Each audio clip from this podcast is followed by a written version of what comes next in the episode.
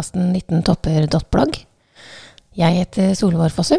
Og jeg heter Jens Fossum. Og i dag så skal vi snakke om en uh, tur som vi hadde til uh, Nord-Norge. En helt der, konkret tur. Ja, der hvor vi, uh, som dere kanskje kjenner til, har en målsetning om å gå opp på toppen av de 19 gamle fylkestoppene. Mm. Um, vi har jo jobba med dette prosjektet. Det, det, er ikke sånn at vi har dårlig tid, men nå har det vært sånn at vi har tatt uh, de som vi kanskje kan si er av den enklere sorten. I hvert fall for oss som bor på Lørenskog. Ja, og vi, vi, jeg vet ikke helt når vi begynte med det, men uh, det er jo fem år siden vi hadde et forsøk på en av de turene som vi nå skal snakke om, for første gang. Mm. Så status på, på prosjektet vårt før den turen her til Nord-Norge det var at vi hadde tatt ti turer på ski. Og én på beina. Og en på beina. Og den på beina, det er Rondslottet som ligger i Hedmark. I Rondane. Og den har vi bestemt oss for å ikke ta på ski. Nei, jeg tror ikke det er noe målsetning for oss å gjøre det. Vi kan alltids bære skia opp og stå på toppen, men uh, det får vi eventuelt bestemme senere. Når alle de andre toppen er tatt. Ja. Og så har vi Så vi har egentlig vært på elleve topper. Uh, og så har vi prøvd oss på Øksfjordjøkelen, som er den første turen. Som er høyeste fjellet i Finnmark. Mm. Ja, Vi vil egentlig bare understreke uh, viktigheten av å uh, bruke guide når det er riktig og viktig å gjøre. Det er en god del toppturer som man kan ta uten å ta med seg en guide. Men i vårt tilfelle, når vi skulle da opp til Øksfjordjøkelen, så er det sånn at vi har vært der en gang før, og vi kom ikke opp fordi at vi hadde valgt uh, feil uh, sted å gå opp. Og derfor tok vi kontakt med uh, Tore Karlstrøm i Sporguiding i Øksfjord.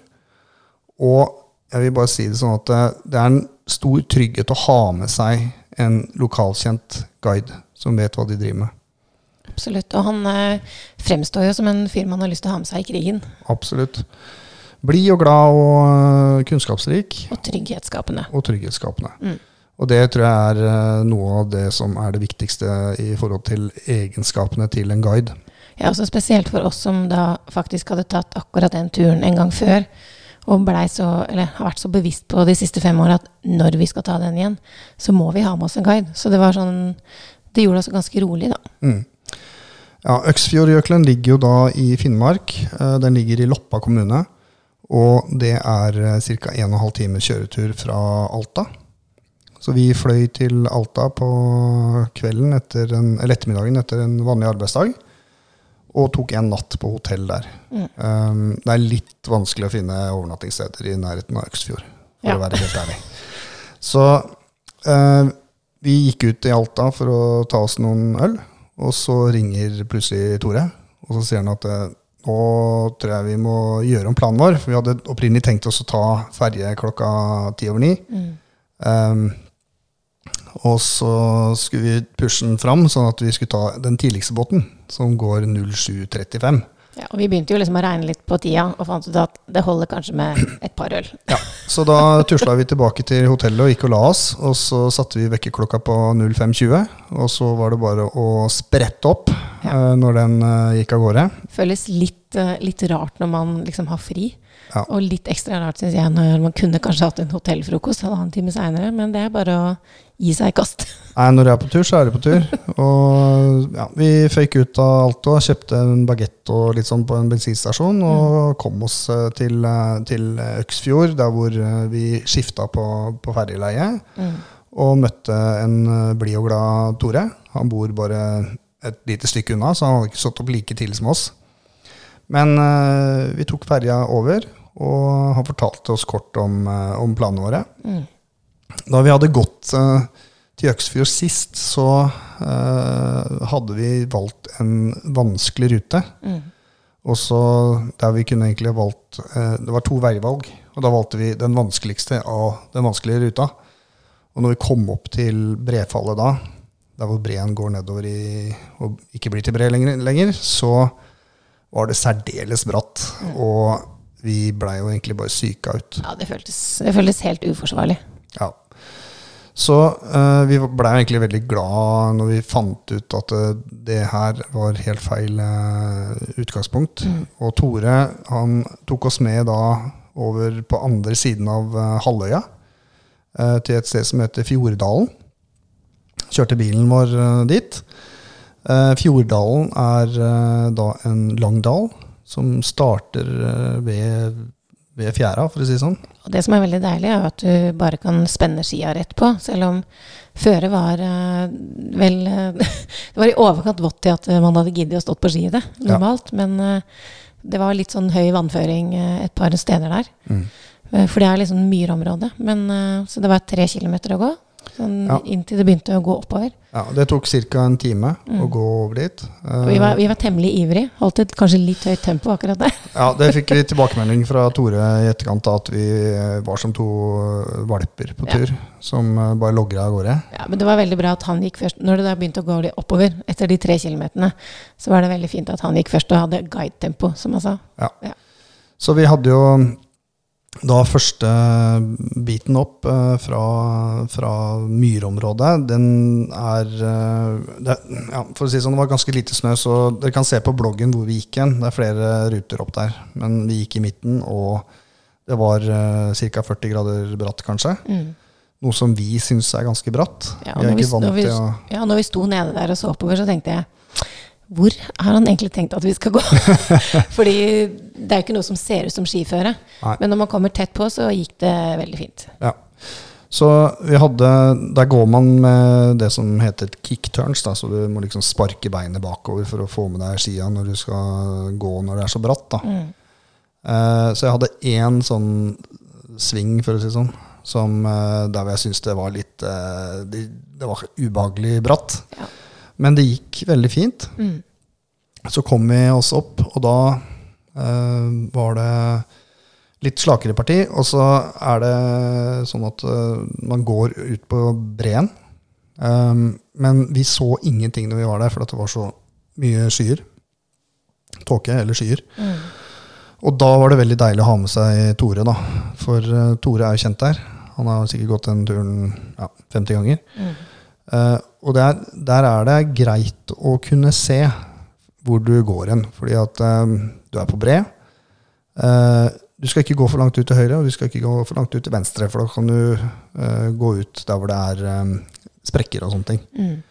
Så hadde ikke vi hatt noen store, så hadde vi brukt utrolig mye lengre tid da, på å komme oss opp den biten. Da måtte vi gått og sett på GPS-en hele tida, liksom, og det, er, det tar så utrolig lang tid. Mm. Og så er det ikke noe som er eh, spesielt behagelig. Og det som, det som eh, Noe av det jeg var nysgjerrig på, eh, så jeg gikk og snakka med Tore om, var åssen åssen er det her på sommeren? Er det sånn er det skummelt? Kan man dette ned i bresprekker? For det er jo liksom, når man hører ordet bre, når du kommer fra det området vi kommer fra, så er det jo lett å tenke at man ramler ned i svære sprekker. Og det er jo sånn som han sa, at her eh, får du ikke bein nede hvis du ikke jobber veldig hardt for det. Så det er jo ikke noe, det er ikke noe fare sånn sett oppå den breen der. Nei, og, og vi gikk jo da opp eh, brefallet. Det blei vel gradvis brattere, Mm. så kanskje det var et eller annet sted mellom 30 og 35 grader på det bratteste opp der. Mm. Eh, men da gikk vi vanlig kickturn, så Tore gikk i et veldig behagelig sånn guide-tempo, Mm. som man kaller det. Um, det er utrolig hvor mye lenger du kan gå, og hvor mye mindre sliten du blir bare du går i et jevnt og egentlig lavt tempo. Ja, det har vi virkelig erfart på de to turene her. Ja. Og så eh, kommer vi jo da opp eh, på toppen av breen, eller toppen av toppen. Eh, vi kom opp der hvor det slutta å bli bratt. Mm. Da var vi såpass heldige at, det, at sola gløtta litt fram. det ble litt sånn magisk sånn stemning. Ja. Det er ikke helt skyfritt, men det, det blir sånn litt klart, sånn at du liksom kan skimte noen topper rundt. Det er ikke bare helt whiteout, liksom. Nei. Og så gikk vi bare rett og slett på GPS-en til eh, der hvor eh, det er det høyeste punktet. Mm. Og når du går oppe på en sånn eh, isbre, så, så er det jo det, er, det, er ikke, det oppleves ikke som at det er eh, noe høyere Nei. eh, der hvor du står, i forhold til det, det som er fem meter unna. Nei. Nå er det sånn at det har eh, For noen få år siden så, så stakk det da for første gang opp fjell Mm. her ved det, det høyeste punktet. Så, så vi så ikke noe til det, for det var så dårlig sikt. Men det var i nærheten. Mm. Så hvis, du er der, hvis det er skikkelig fint vær, så kan du gå bort og så kan du stå på det faste fjellet. Jeg vet jo ikke noe om hvordan det ser ut. Det kan godt være at det er noen som har, eh, har en peiling på det. Mm. Men om eh, 50 år, så kanskje det er en spiss greie. Så kan du si at eh, her oppe har jeg stått. Du trenger ikke å si noe om at da var det masse snø og isbre rundt. da. Så det, det var bra.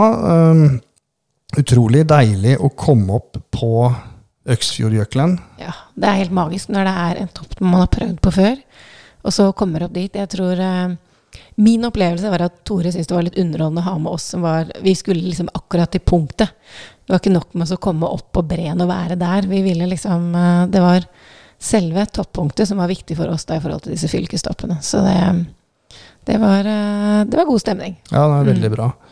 Eh, Så kan vi ikke skryte at det var eh, noe særlig bra nedkjøring. Ja, det var noen hadde- svinger som var bra der, altså. Ja, men vi, vi, nedkjøringen var såpass uh, som dette her. Det var litt sånn skare, så det var litt Ja. vanskelig øverst. Mm. Så hadde vi et parti med Litt ganske som bra. Påskeføre. Ja. Og så hadde vi et parti som var veldig bløtt. Ja. Men vi var jo ikke der pga. bra skikjøring, vil jeg si. Um, vi var der for å ta en fylkestopp, og det fikk vi jaggu til. Mm. Uh, kom oss uh, ned til, eh, til eh, dette myrområdet. Og da fant vi ut at hvis vi gir gass, så rekker vi en tidligere feire tilbake. Mm. Og det kan jeg si at det ble, det ble, det ble ski- skirenn. Så jeg gadd ikke å ta på meg, eh, ta på meg fellene engang. Jeg bare satte av gårde med bakglatte ski. Og jeg er så dårlig til å takle baklatterski, så jeg uh, beit i det sure eplet, og tok på fellene og gampa bortover. Og egentlig helt utslitt når vi kom de tre kilometerne til bilen. Ja. Men eh, vi rakk ferja med god margin, i hvert fall med ti minutter. Og kom oss tilbake og fikk da muligheten til å kjøre til Tromsø. Mm.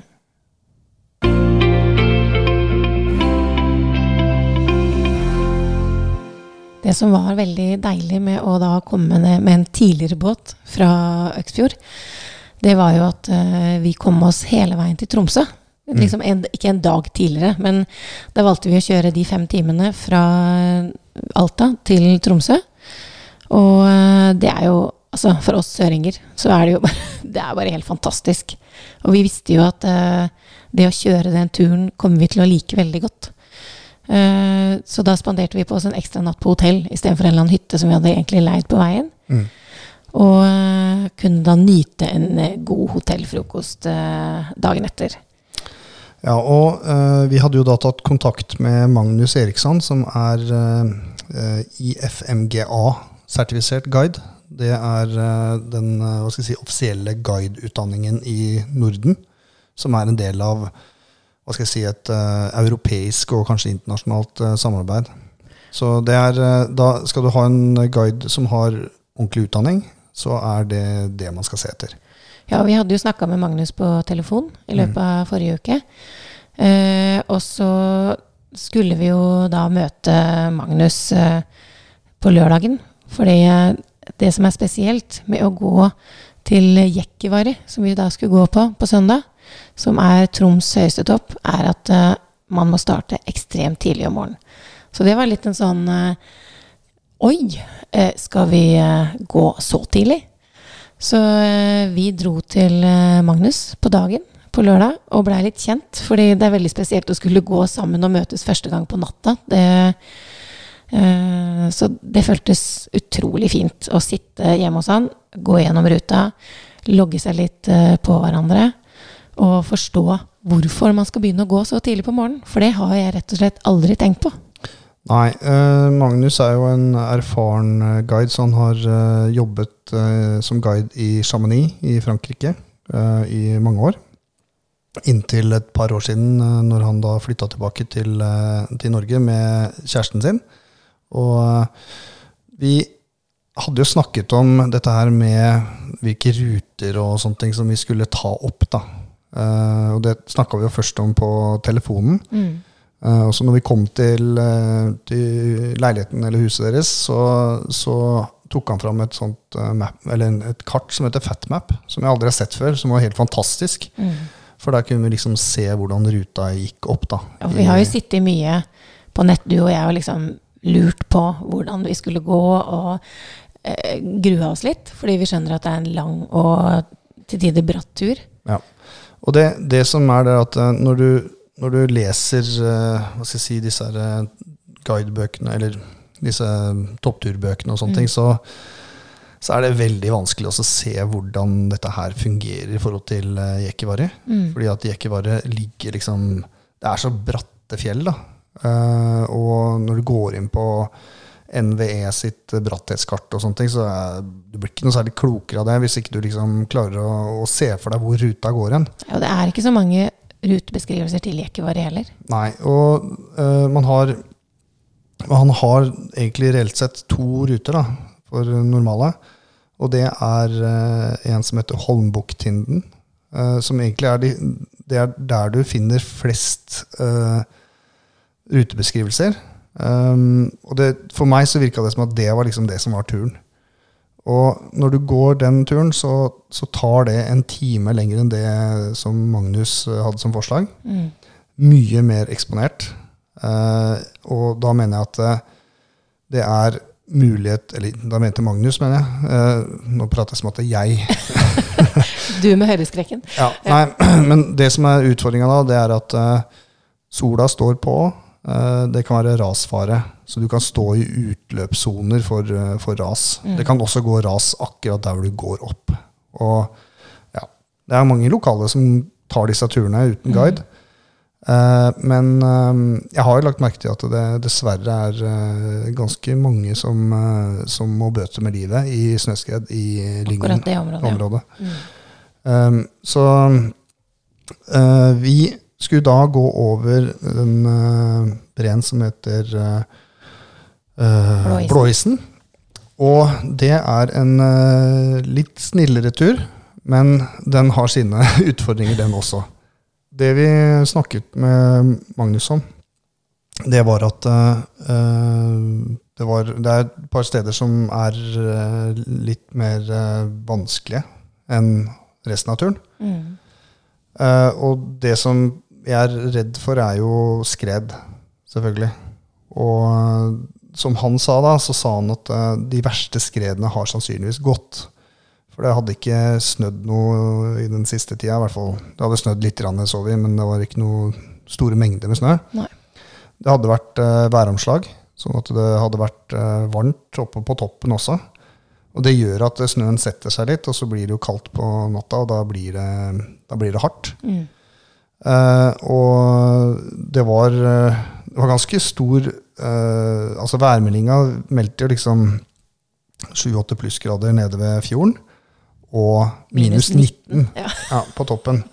Så det var 30 grader eh, forskjell, da. Um, I forhold til hva, hva meteorologene hadde forutsett, da, for å si det sånn. Eh, så når vi gikk gjennom ruta, og så ble vi enige om at ok, da, da setter vi av gårde klokka senest fire. Fordi da må, vi må være ved eh, en renne klokka elleve. Og det blir så rart for oss som da Vi står jo opp ganske tidlig, så når vi setter av gårde tidlig på en tur, så er det klokka ni, liksom. Mm. Ja, med familien og sånn. Ja, sånn normalt på topptur. Ja. Ja. Og da er vi gjerne time før alle andre Ja. som uh, ikke står opp så tidlig. Mm. Men når vi da liksom står opp klokka to på natta i Alta Nei, alt jeg sier, i Tromsø. Ja, det var bare, det, bare den opplevelsen i seg sjøl. Å stå opp, gå til bilen klokka to, si hei hei til nattevakten, komme på Circle K etter å ha henta Magnus, kjøpe en kaffe når alle er på vei hjem fra byen, Mm. det er jo Det er jo, det er jo gøy. Eller det er sånn Wow, nå er vi skikkelig på tur. Ja, og så I tillegg så, så skulle vi jo egentlig prøve å sove klokka ni da, Ja. dagen før. Um, og det var så, for så vidt greit, for vi var ganske slitne etter den turen til Øksfjord og sånne ting. Eller Øksfjordjøkelen. Mm. Men jeg fikk jo ikke sove, for jeg, jeg grua meg litt. Mm, jeg grua meg også. Jeg hadde litt sånn tvangstanker. Det var litt sånn der, ok, Hvis både jeg og Solveig ble tatt av skred, hva skjer med barna da? Mm. Nei, Da får jo de klare seg på et eller annet vis, da. Ja, jeg hadde også litt sånne tanker, så tenker jeg ja ja, men nå har vi bestemt oss, så da må vi bare stå i det. Ja. Eh, Så vi kom oss opp, og så dro vi av gårde. Ungdommene som har vært på fest, de Ja. møtte oss på, på bensinstasjonen når du skulle ha kaffe. Mm. Dro av gårde og parkerte ved, ved der man går opp mot eh, Blåisene. Og klokka fire så satte vi av gårde. Mm. På beina med, med ski på sekken. Mm. Og gløtta litt oppover i terrenget og liksom kjente igjen de partiene som, eh, som Magnus hadde vist oss da på, på FatMap. Og så må jeg jo si at uh, altså vi veit jo fra vi er små at det er lyst i, Nor lyst i Nord-Norge på sommeren. Det er liksom en sånn der, uh, sannhet som alle veit. Men det å få oppleve det sjøl, vil jeg jo si er uh, verdt å dra til Nord-Norge, bare, bare det. Ja. Det er helt magisk. Ja, vi, vi er jo søringer. Så du klarte jo det smarte spørsmålet Skal vi ta med hodelykt? Og da lo jo Magnus godt, da. Nei, det trenger ikke sånn. Ja, men tenkte ikke på det. Altså, det er bare Altså, det pleier vi jo alltid å ha med liksom sånn Kanskje vi trenger hodelykt hvis det blir for mørkt når vi skal gå ned. Men, eh, nei, det var, eh, men herregud, altså, som søring så skal man jo man skal drite seg ut med litt dumme spørsmål. Klart det, det er derfor vi kaller søringer. Eh, så da satte vi av gårde oppover, og så gikk vi ganske mye lengre på beina enn det Magnus hadde trodd. Så det, hadde, han hadde, det var en drøy uke siden han hadde vært der sist. Mm. Og da um, hadde snøen smelta mye på, på den uka. Uh, så vi gikk uh, noen hundre høydemeter opp, og så tok vi på oss skia. Og så gikk vi til det første litt sånn vanskelige partiet, som da vi bare kaller for renna. Mm. Heter sikkert ikke det, Nei. men for oss Kommer så- alltid til å hete det renna. kommer til å være renna. uh, og renna er um, Det er en ganske smal renne på la oss si fem-seks meter på det, på det smaleste. Den går litt sånn som en Den går ikke som en trakt, kanskje, men den går som en sånn, hva heter det, sånn kremmerhus. Mm. Blir smalere og smalere uh, i bunnen. da. Uh, den er ca. 70 høydemeter. Eh, og det er eh, sånn at det er kanskje rundt 40 grader bratt på det bratteste. Ja, og det, jeg syns det er viktig å si at vi da hadde tatt av skiene igjen og tatt på oss eh, stegjern Ja. når vi kom opp til renna. Fordi når vi tok på skiene etter å ha gått med skiene på sekken, så gikk vi litt på bare ski, og så tok vi på skarjern. Og så bytta vi fra det til stegjern, som bare settes utapå skistøvlene. Mm. Som føles, i hvert fall for oss, veldig mye tryggere på veldig hardt føre og bratt terreng. Ja, Vi satte jo egentlig på stegerna ganske langt ned, sånn Mm. at vi slapp å gå på ski eh, i sånn relativt bratt terreng og Mm. isete, for det var steinhardt. Mm. Det var, altså det var Jeg skal ikke si at det var is, for det var det ikke, men det var så hard snø. Hadde det vært i Slalåmbakken, så hadde vi sagt at det var isføre. Ja, det hadde vi absolutt. Og så gikk vi jo da opp til, eh, til eh, denne renna, og jeg trodde jo da at eh, eh, jeg kom til å bli veldig redd, for at jeg har jo jeg har, uh, høydeskrekk. Men det hadde jeg ikke. Det gikk egentlig veldig greit. Mm. Jeg følte meg usedvanlig trygg, og jeg følte meg ikke ukomfortabel. Men jeg tror også det at eh, bare det lille kjennskapet som vi egentlig hadde fått til eh, Magnus eh, da, og det der med å, for meg i hvert fall, både det å slippe å ha med seg, eller slippe, det å ikke ha ansvar for å ha med barna våre på tur, det å ha en som viser vei, en som hele tiden forteller hva vi skal gjøre, og en som holder ekstremt lavt tempo, da, kanskje i forhold til hva vi normalt gjør, det, alle de tingene er med på å trygge oss da, når vi kommer til det partiet som er utfordrende. Mm. Og når vi hadde hatt brifen, så sa jo Magnus at uh, faller vi uh, her sånn, så må vi nok hentes ut uh, med helikopter. Mm. Og det er en sånn der tanke som bare klistrer seg som en Post-It-lapp i hjernen. Ja, den surra mye hos meg. Eh, men det, det han også sa, det var at ok, hvis noe skjer med meg, så, så måtte jeg laste ned uh, appen til luftambulansen, Mm. uh, sånn at uh, vi kunne melde inn. Mm. Det, det er ikke for at han er pessimist, men han er ikke udødelig selv om han er Det er jo trygghetsskapende, da. Selv om ja. det blir litt sånn det blir litt sånn der realitetssjekk i forhold til hvor heftig den turen egentlig er, da. Så eh, vi kjørte på i den steinharde partiet, og så snur Magnus her til oss, og så sier han Er de sikre på at de kan stå ned her efter? Han er svensk, da. Så vi bare Ja, ja. Ja ja, det ja. Du sa ja, jeg har alltid opplevd å komme ned der hvor jeg har kommet opp, sa du. Ja. Jeg har en sånn der, eh, regel at eh, jeg kommer meg alltid ned der hvor jeg har gått opp på ski. Men eh, det gjelder jo på ski. Mm, Nå hadde jeg på meg stegeren. mm, Det er en helt annen regel. absolutt. Ja.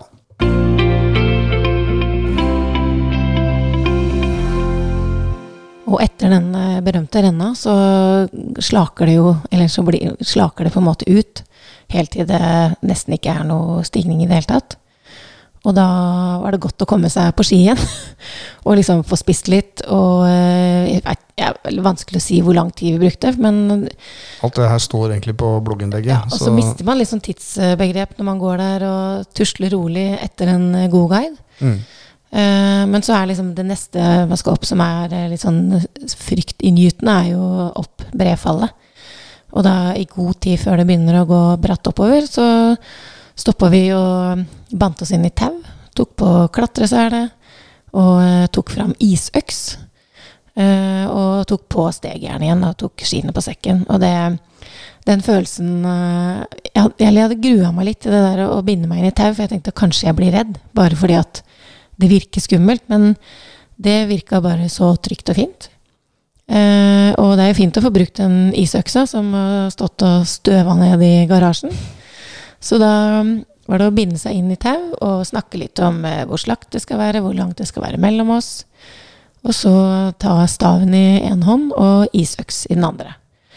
Eh, og så var det godt å få litt veiledning på hvordan man skal bruke disse her stegjernene stegjern nå, da. For det er jo mange ting som ikke vi har gjort så mye.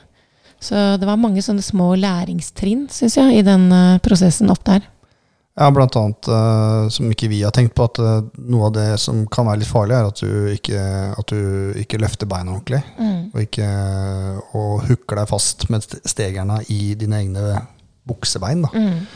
Og det, det skjønner jeg at kan være en utfordring. Ja.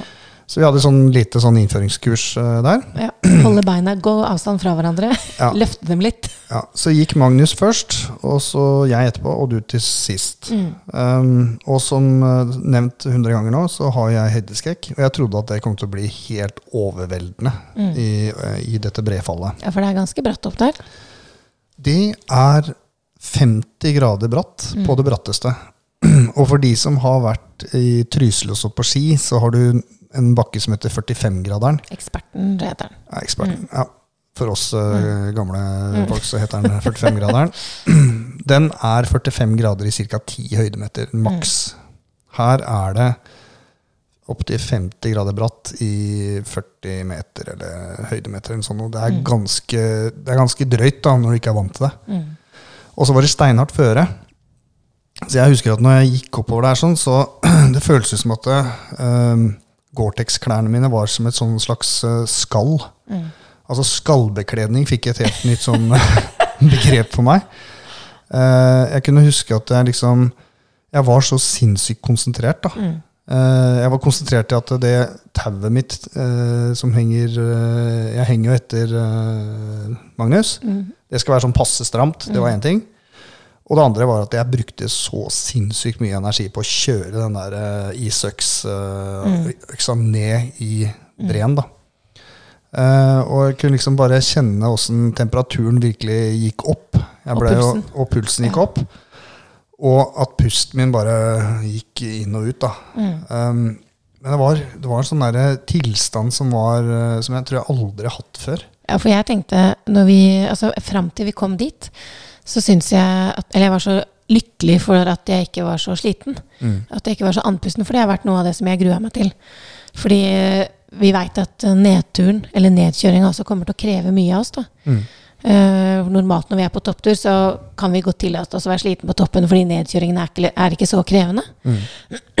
så, men når vi kom dit, da er det vel liksom adrenalinet som pumper, og konsentrasjonen, for da fikk jeg også ekstremt høy puls og kjente at jeg gikk liksom og dytta litt fram og tilbake på sekken, fordi altså, alle detaljer må liksom være til stede. Mm.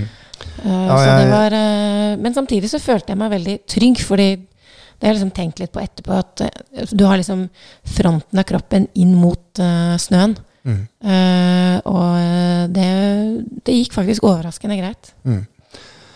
Ja, og jeg hadde også trodd at jeg kom til å bli nesten paralysert Mm. av uh, angst da, Mm. i, den, i det partiet. Men det, det gikk uh, greit. Jeg måtte be Magnus om å stoppe én gang, for at jeg bare kjente at nå var jeg oppe på makspuls, liksom.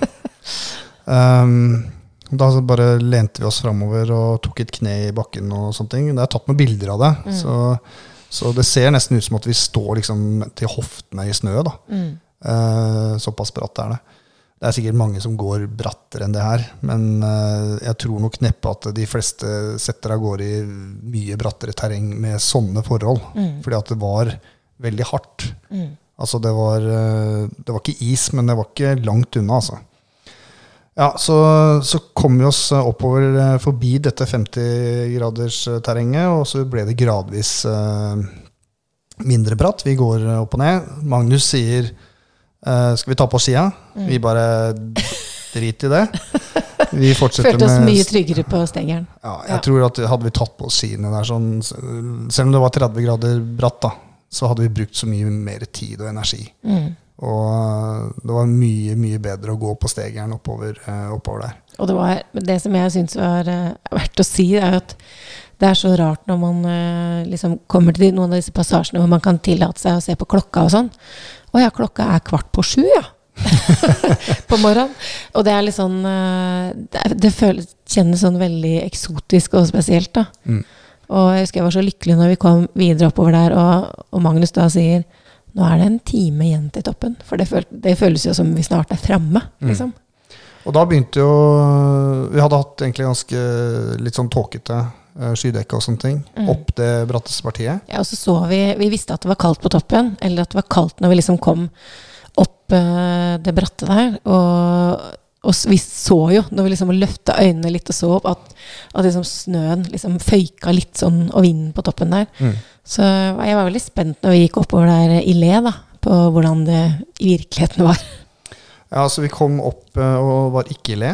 Og da Mm. var vi jo på ja, hvem vet, eh, la oss si 1700 meter eller noe Mm. rundt der. Eh, For toppen ligger på 1834. Eh, og den siste biten var slak og fin. Mm. Ganske kaldt, men det var ikke minus 19 i hvert fall. Nei. Det var ikke sånn som det var spådd. Nei, det var veldig bra. Og så gløtta sola fram, og så fikk vi se liksom ja, områdene rundt. da.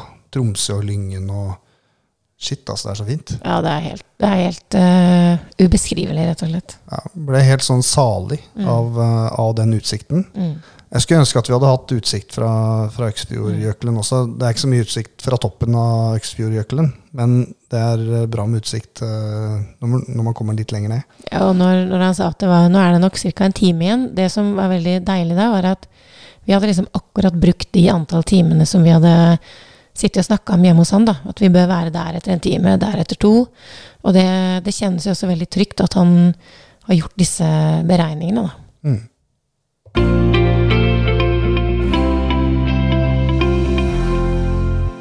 Og jeg må jo si at uh, den siste, kanskje de siste 45 minutterne, før vi liksom nådde det som kan regnes som toppunktet, så gikk jeg med litt sånn Jeg gikk ikke og gråt, men jeg hadde sånn klump i halsen fordi at eh, det gikk opp for meg at eh, vet du hva, vi kommer oss på toppen. Mm.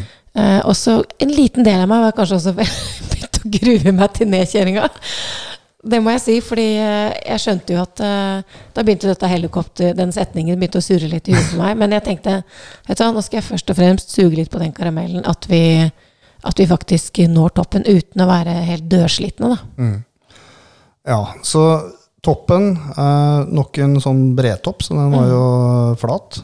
Eh, det er tredje breen vi har vært på på tre uker. Ja. Så vi hadde Hardangerjøkelen, eh, og så Øksfjordjøkelen, og så Jekkvari. Mm. Så eh, bre, det har vi, det har vi utvida repertoaret Tre på Tre ganger bred. Ja. Mm.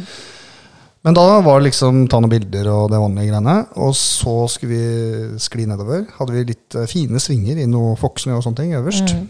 Og så nærma vi oss dette her satans brefallet. Og da Da var det jo sånn Altså, når du står på randonee-ski, så når du går oppover, så låser du fronten på Altså bindingen din eh, sånn at ikke den kan løse seg ut. Mm. Når det blir sånn bratt nedkjøring, så gjør vi det samme. Uh, Selv om hælen da sitter fast. selv om hælen sitter fast. Og det som er grunnen til det, at du mister du skien oppi, oppi der, så i verste fall så finner du den aldri igjen. Eh, og hvis du mister skien, så har du en skikkelig case med å komme deg ned igjen, rett og slett. Fordi man kan ikke gå ned der på stegeren. Nei. Nei. Og det er jo det man kaller sånn no fall zone. Da. At du liksom ikke Eller kanskje no fall zone er at det er så bratt og jævlig at du dør hvis du detter. Men vi mener sånn at her skal du rett og slett ikke falle. Mm. Og når vi da kjørte nedover mot dette brefallet, så er det jo så steinhardt. Så det er bare å skli sidelengs. Så er den der, Det er ikke noen svinger. Nei. Nei. Du har, en, ja, du har noen svinger da, der hvor, du liksom, der, hvor det, der hvor det ikke er så bratt øverst. Ja, også hvor, det, hvor du er nødt til å snu for at du ikke skal komme helt i feil retning. Ja. Og så ser vi jo da at uh, Magnus har navigert oss mellom noen bresprekker og sånne ting, som ikke vi visste om. Mm. Uh, så det er jeg veldig glad, glad for, for vi så ikke det. Nei. Det var uh, tåke, Mm. eller skydekke. Og så kommer vi nedover. Det blir liksom 30 grader bratt, det er ikke så gærent. 35. Mm. Da begynner det å bli sketchy. 40, 45, Mm. 50. Og når vi var på det, der det var liksom som brattest, så hadde jeg hjertet i halsen, altså. Jeg lurer på hvordan vi egentlig ser ut i fjeset. Det drev jeg og tenkte på. Fordi jeg bare merker jeg er så konsentrert om å ha avstand mellom eh, kroppen og arma, sånn at ikke jeg skal hekte fast staven i min egen ski eller i buksa eller et eller annet som bare er helt idiotisk. Jeg tror det, det føles ut som at eh, man konsentrerer seg så mye at øyeeplene er i ferd med å dette ut av kraniet ditt, liksom. Det er på det nivået der. Uh, og det ser sikkert helt noldus ut hvis noen hadde sett på det på film. Men det, er, det, er, det oppleves som så sykt bratt, så vi liksom sklir da nedover på dette her føret. Du har den derre lyden. Det er sånn ordentlig, ordentlig bråkete føre, som vi kaller det. Og Magnus snur seg flere ganger og bare sier eh, Jeg har tinnitus, eh, dette blir bare verre og verre, liksom. um, og det, det, det, er, det er nesten sånn der hørselsskadeføre. Og så kommer vi oss nedover. Um, og så klarer jeg Jeg er så konsentrert på å liksom bare følge etter deg, Solvår. Og så stopper du litt opp, og så setter du staven din litt lenger opp i Ja, det er for å hvile meg litt. for å hvile deg litt. Ja. Der følger ikke jeg med, så jeg kjører jo inn på staven din. Det går greit med meg, men du tryner jo. Og da hadde jeg litt sånn Da, da var jeg redd. Ja. Eller, det er ikke sånn at jeg tryner og detter nedover, men jeg Du sklir fem-seks meter ned da, ja. og får stoppa, og så har jeg da skia dine gått i kryss og sånne ting, så du har altså beina dine, beina dine er feil i forhold til hvordan du skal ligge. Mm. Så det blir litt sånn der, Jeg vet ikke om du husker den der scenen med Bambi på isen, når, når Bambi krysser bakbeina? Jo, jo, men altså, det er akkurat sånn jeg føler meg. Ja, så sånn, sånn sto vi oppi der, og Magnus var litt lenger ned. Jeg hadde så dårlig samvittighet at det bare røyk av meg. Og jeg følte at jeg, nå har jeg kødda det skikkelig til. da. Men da var det heldigvis ikke Det var ikke 50, Det var ikke grader bratt. Nei, det var kanskje 30, 35 grader bratt der, under 40. Og så fikk vi kommet ut av den situasjonen og komme oss ned, og da var det bare sånn Unnskyld, unnskyld, unnskyld. unnskyld. Ja, ja, uff, ja, Det går fint. ja. Og så eh, Da hadde vi jo på en måte klart eh, En av 50-graderen, eller brefallet. Og da var det bare renna igjen. Det som er spesielt når man eh, kommer ned i den renna, er jo at en ting er at det er smalt og det er bratt, men det er øh, Altså, det går jo Når du går opp der, så ser du at du går der hvor det har gått skred. Altså, og da blir snøen klumpete. og ganske store hauger. Eh, og da, når det er steinhardt, og du skal liksom Du får ikke svingt noe der, så du må liksom på en måte skli deg ned 10 og 10 cm om gangen.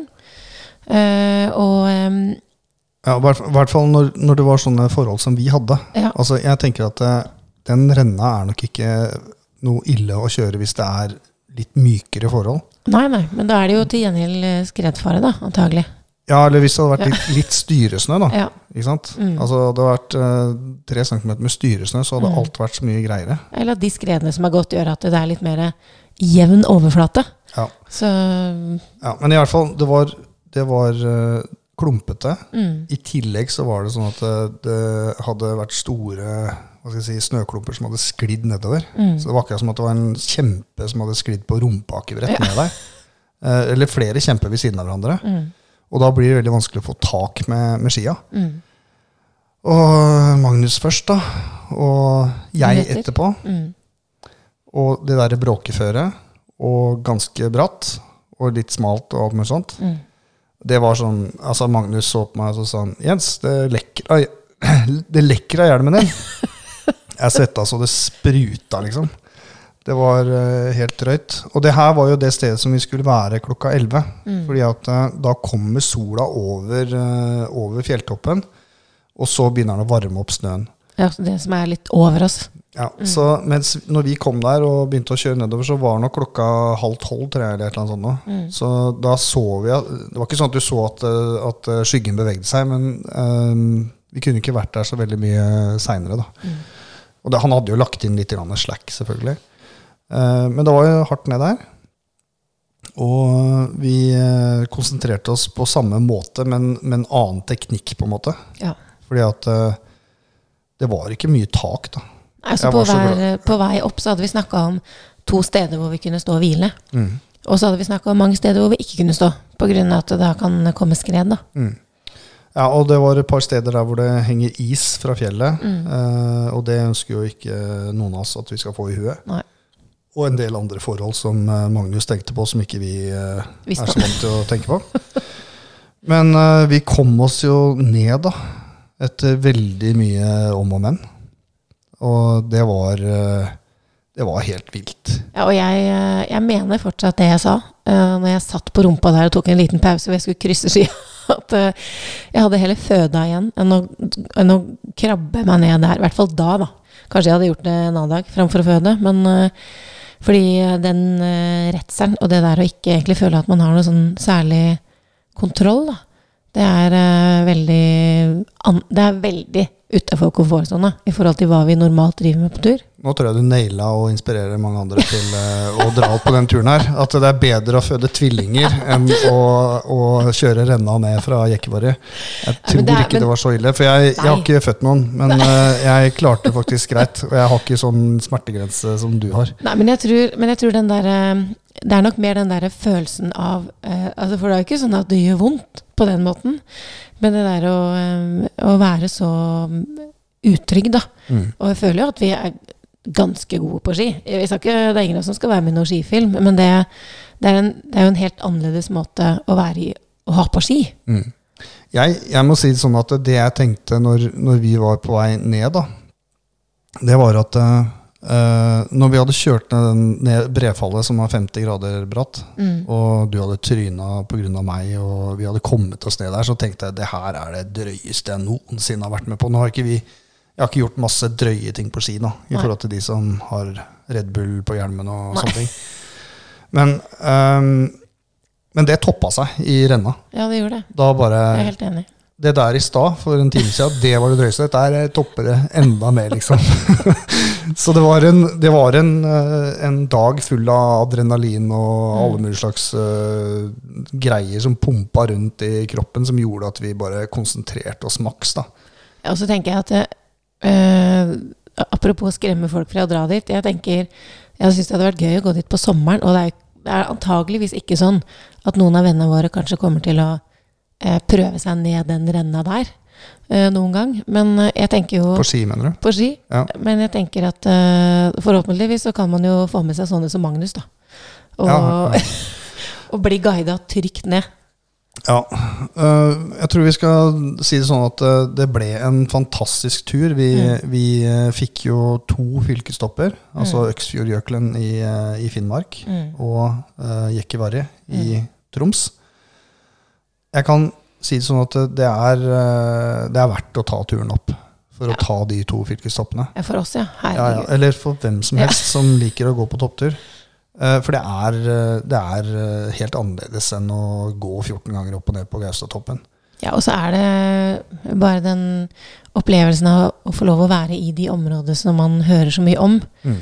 Uh, og det der med å som Vi, vi snakka jo Vi var litt sånn Det var litt sånn rart etterpå. For det første når liksom eh, at man har gått en tur så tidlig på dagen, da. Eh, og liksom har nesten halve dagen igjen. Mm. Og for oss to liksom Shit, nå har vi faktisk eh, gått uh, Jekkivari, liksom. Mm. Fordi vi visste at den kom til å bli den drøyeste, da. Mm. Uh, så blir det litt sånn uh, man blir litt sånn euforisk. Og det er litt sånn Vi snakka også om alle disse, altså disse lista over ting som vi på en måte følte at vi hadde lært, både når vi gikk med Tore på Øksfjordjøkelen, men også når vi gikk med, med Magnus på Jekkeværet. Det er med å Ok, det er en opsjon å stå opp så tidlig, ja, faktisk. Mm. Og det går greit. For jeg var redd for at kroppen skulle være helt off. Eh, men det, det var liksom Det gikk egentlig utrolig, eller overraskende bra, da. Mm. Ja, vi eh, kan jo snakke litt om hva som vi har lært i Mm. forhold til den turen her. Og en av de tingene som jeg eh, vil understreke, som vi starta med også, det er uh, verdien av å ha med en guide. Mm. Uh, det er en grunn til at de guidene uh, livnærer seg på dette her. Mm. Fordi at de har kunnskap som vi vanlige toppturfolk eg- vi det, er, det kan nok være en god del som mener at de har god kunnskap, Mm. men de eh, kommer gjerne til kort. da. Mm.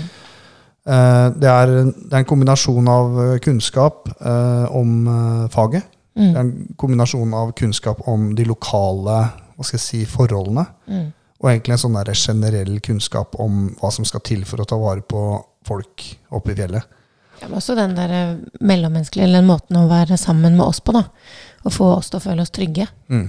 Uh, tenker jeg er eh, det, er eh, det er veldig fint. Og det er sånn Det er liksom noe med den der, de oppgavene som vi har når vi er på tur som familie, som man på en måte slipper. Mm. Og klart, du og jeg er jo på tur sammen, men når vi er på sånn tur som det der med guide, så har jeg ansvaret for meg.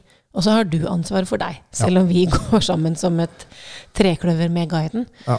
Og det, og det å slippe å tenke på veien og alle disse tingene som, eh, som eh, man jo på en måte betaler en guide for å gjøre, da. Det er jo, føles jo virkelig verdt det. Mm. Ja, og jeg som har høydeskrekk, eh, jeg må jo da si fra til guidene om at jeg har det. Mm. Fordi at det er svært viktig informasjon for dem å vite. Mm. Så hvis du har noen skavanker av et eller annet Mm. slag, så er det viktig at du liksom informerer om det. At du ikke holder tilbake den informasjonen. Ellers så var det jo det eh, som du har nevnt, å starte tidlig. Mm. eh, fordi at eh, snøren blir varmere på ettermiddagen. Mm. Og da er det større sjanse for at det går skred. Mm. Ja, at man går gjennom hvilket Eller det utstyret man skal ha med seg. Mm. eh, Sånn helt ned til minste detalj. Og at eh, vi dreit oss ut fordi vi hadde med camelback. Mm. Jeg tenker at det er viktig å si. For den Ja, det, frøys. ja eh, den frøys jo i slangen. Mm. Det gikk jo helt fint på Øksfjord, Mm. For der var det varmt. Men på Jekkevaret så ble det kaldt. Mm. Sånn helt noldus-greie å gjøre. Mm. Egentlig en regel er at du skal du på noe lengre greier, så skal du ikke prøve noe nytt utstyr og sånne ting. Og det Så der og vi. om. Ja, vi bare snakka om fjols til fjells, Mm. som tar med seg camelback. eh, Ja, vi, vi visste det jo òg, ikke sant. Mm. Grunnen til at vi slutta med camelback, var akkurat det problemet her sånn Mm. midt på vinteren. Um, så der lærte vi noe igjen, da. Ja, men også det at vi snakka om eh, hva er det noe vi er redd for? Ja, jeg er redd for å bli sliten. Mm. Jeg er redd for å bli så sliten, eller redd for at vi ikke er i god nok form til å, liksom, eh, å gjennomføre, spesielt Jekkivari, da. Uh, og da at uh, vi går så rolig og kjenner at vi får ikke så høy puls. Ergo så bruker vi heller ikke så mye vann. Eller vi trenger ikke så mye vann. Og det liksom Vi bærer kanskje ofte med oss Nå er vi jo fem stykker, da, og bærer med oss mye å drikke, som jo er bra. Men det, det henger liksom litt sammen. Når det ikke blir så sjukt andpusten, så blir du ikke så tørst. Nei, vi, vi har lært det at vi skal vel roe ned tempoet Mm. når vi går på tur med familien også, for da Mm. får vi mer futt i beina til å stå ned, Mm. rett og slett. Mm. Uh, ellers så er det jo sånn at uh, det var første erfaringa vår med sånn ordentlig bratt terreng. Um, det er ikke noe som frister for meg, da, å kjøre bratte renner i Lyngen. Men, Nei, det er ikke det, altså. men uh, vi skal tilbake til uh, Lyngen og til uh, Troms eh, og Finnmark og stå mer på ski. Altså når du er, i, når du er midt i byen, i Tromsø Sånn som når vi da skulle dra hjem med fly eh, mandag morgen eh, Vi gleda oss til å komme hjem og var glad for at vi liksom hadde tatt de toppene, men det er sånn vemodig, fordi det er så sykt mye fint rundt der. Alle mulige typer topper. Og den der, det er ikke langt å kjøre til nærmeste topp og bare tre på seg skia. Nei, jeg har jo hatt vi, vi pleier å kalle det sånn ferieblues. Etter at vi har vært på sommerferie, og sånn, så tar det noen dager før du liksom klarer å vende deg av at du ikke skal ha fri lenger. Mm.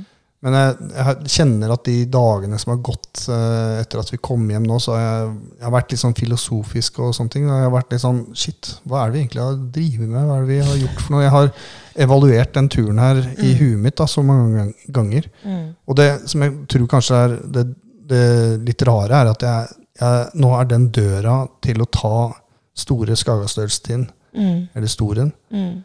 den er liksom Den er litt på gløtt. Mm. For jeg tenker at når jeg klarte dette her på Jekkivarier spesielt, så kanskje jeg klarer den også. Bare jeg, jeg må ha en sånn der plan da, for å komme Ja, opp. tror jeg, det, jeg tror kanskje det blir lettere for oss å evaluere hvilke turer som vi skal prioritere å ha med guide, og Mm. ikke. Eh, og hvor langt vi kan gå. Altså, nå veit vi det under rette forhold, uten så mye vind, og med, hvis været er med oss, at vi kan gå enda flere timer enn det her. Ja, vi får bare oppsummere og så si at uh, skal du ta Øksfjordjøkelen, så tar du kontakt med sporguiding. Mm. Skal du ta Jekkeværet, så tar du kontakt med Tromsø det, Mountain Guiding Mm. og uh, hils fra oss. Ja,